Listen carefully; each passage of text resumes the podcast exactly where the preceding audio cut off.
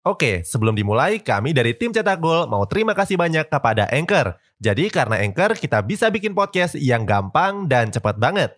Mulai dari edit sampai share dan publish di banyak platform. Mulai dari Spotify, Apple Podcast, sampai platform podcast lainnya. Aplikasi Anchor ini gratis, bisa di-download di App Store dan Play Store, atau kamu juga bisa akses di website www.anchor.fm. Jadi sekali lagi terima kasih kepada Anchor yang bikin Cetak Gol punya podcast yang bisa kamu dengarkan sekarang. Penggemar sepak bola era 1990-an tentu mengenal siapa Roberto Carlos. Legenda asal Brazil yang fenomenal berkat tendangan pisang yang luar biasa. Setelah memutuskan untuk gantung sepatu pada tahun 2015, Roberto Carlos mengejutkan pemberitaan dengan kembali merumput. Cetak Gol coba merangkumnya sebagai berikut.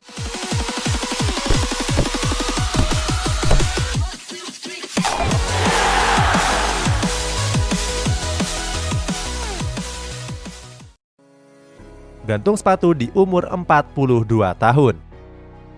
Posisi bek kiri mungkin kalah pamor dibandingkan striker ataupun winger. Pasalnya, Trisula lini penyerangan tersebut memang jadi tumpuan klub dalam mencetak gol. Akan tetapi, Roberto Carlos berhasil bersinar dengan posisinya sebagai bek kiri. Walaupun mengawal pos pertahanan Roberto Carlos turut mencetak banyak gol. Di Real Madrid, Roberto Carlos memainkan 527 laga dengan torehan 70 gol dan 99 assist. Dengan torehan luar biasa tersebut, Roberto Carlos juga membantu El Real memenangkan sejumlah gelar, termasuk 4 trofi La Liga dan 3 trofi Liga Champions. Sayang, setelah membela Real Madrid selama 11 tahun, Roberto Carlos pindah ke klub asal Turki, Fenerbahce. Sempat melanjutkan karir ke Corinthians dan Anzi Makachkala, pada akhirnya Roberto Carlos gantung sepatu di Delhi Dynamos. Roberto Carlos memutuskan pensiun di umur 42 tahun pernah melamar jadi pelatih Bali United. Pada tahun 2018 yang lalu, Bali United pernah berada di situasi tanpa pelatih. Saat itu, Coach Widodo Cahyono Putro mengundurkan diri dan satu tahun berikutnya pindah ke Persita Tangerang. Kekosongan kursi kepelatihan tersebut membuat Bali United membuka lowongan baru untuk posisi manajer. Manajer Bali United, Yabes Tanuri menyebut kalau saat itu banyak pelatih asing yang berminat – Gak disangka-sangka salah satunya adalah pelatih Roberto Carlos.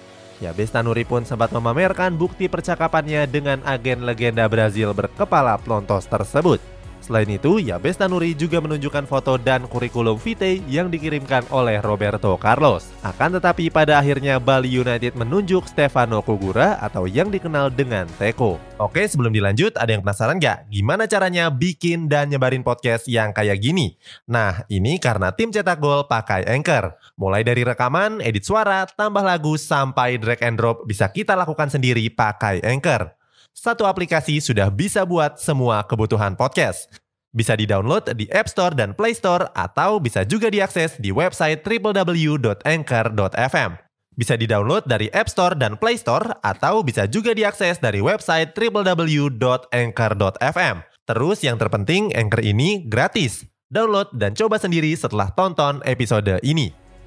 Kembali merumput. Umur 48 tahun gak menghalangi Roberto Carlos untuk kembali merumput. Pada akhir bulan Januari kemarin, Roberto Carlos diperkenalkan sebagai pemain baru klub Bull in the Barn United.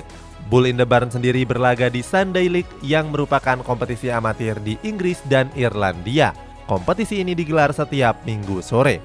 Nggak cuma itu, kontrak Roberto Carlos di Bull in the Barn juga terbilang unik. Pasalnya, Bull in the Barn cuma membayar tiket undian di situs eBay seharga 5 pound sterling atau sekitar Rp96.000.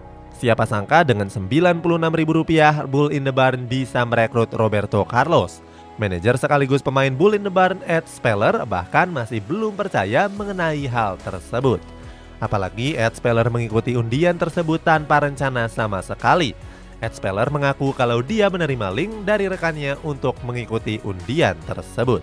Ed Speller yang menganggap itu lelucon langsung membayar 5 pound sterling tanpa harapan apa pun. Akan tetapi, Ed Speller langsung terkejut setelah menerima email pemberitahuannya. Tanggapan Roberto Carlos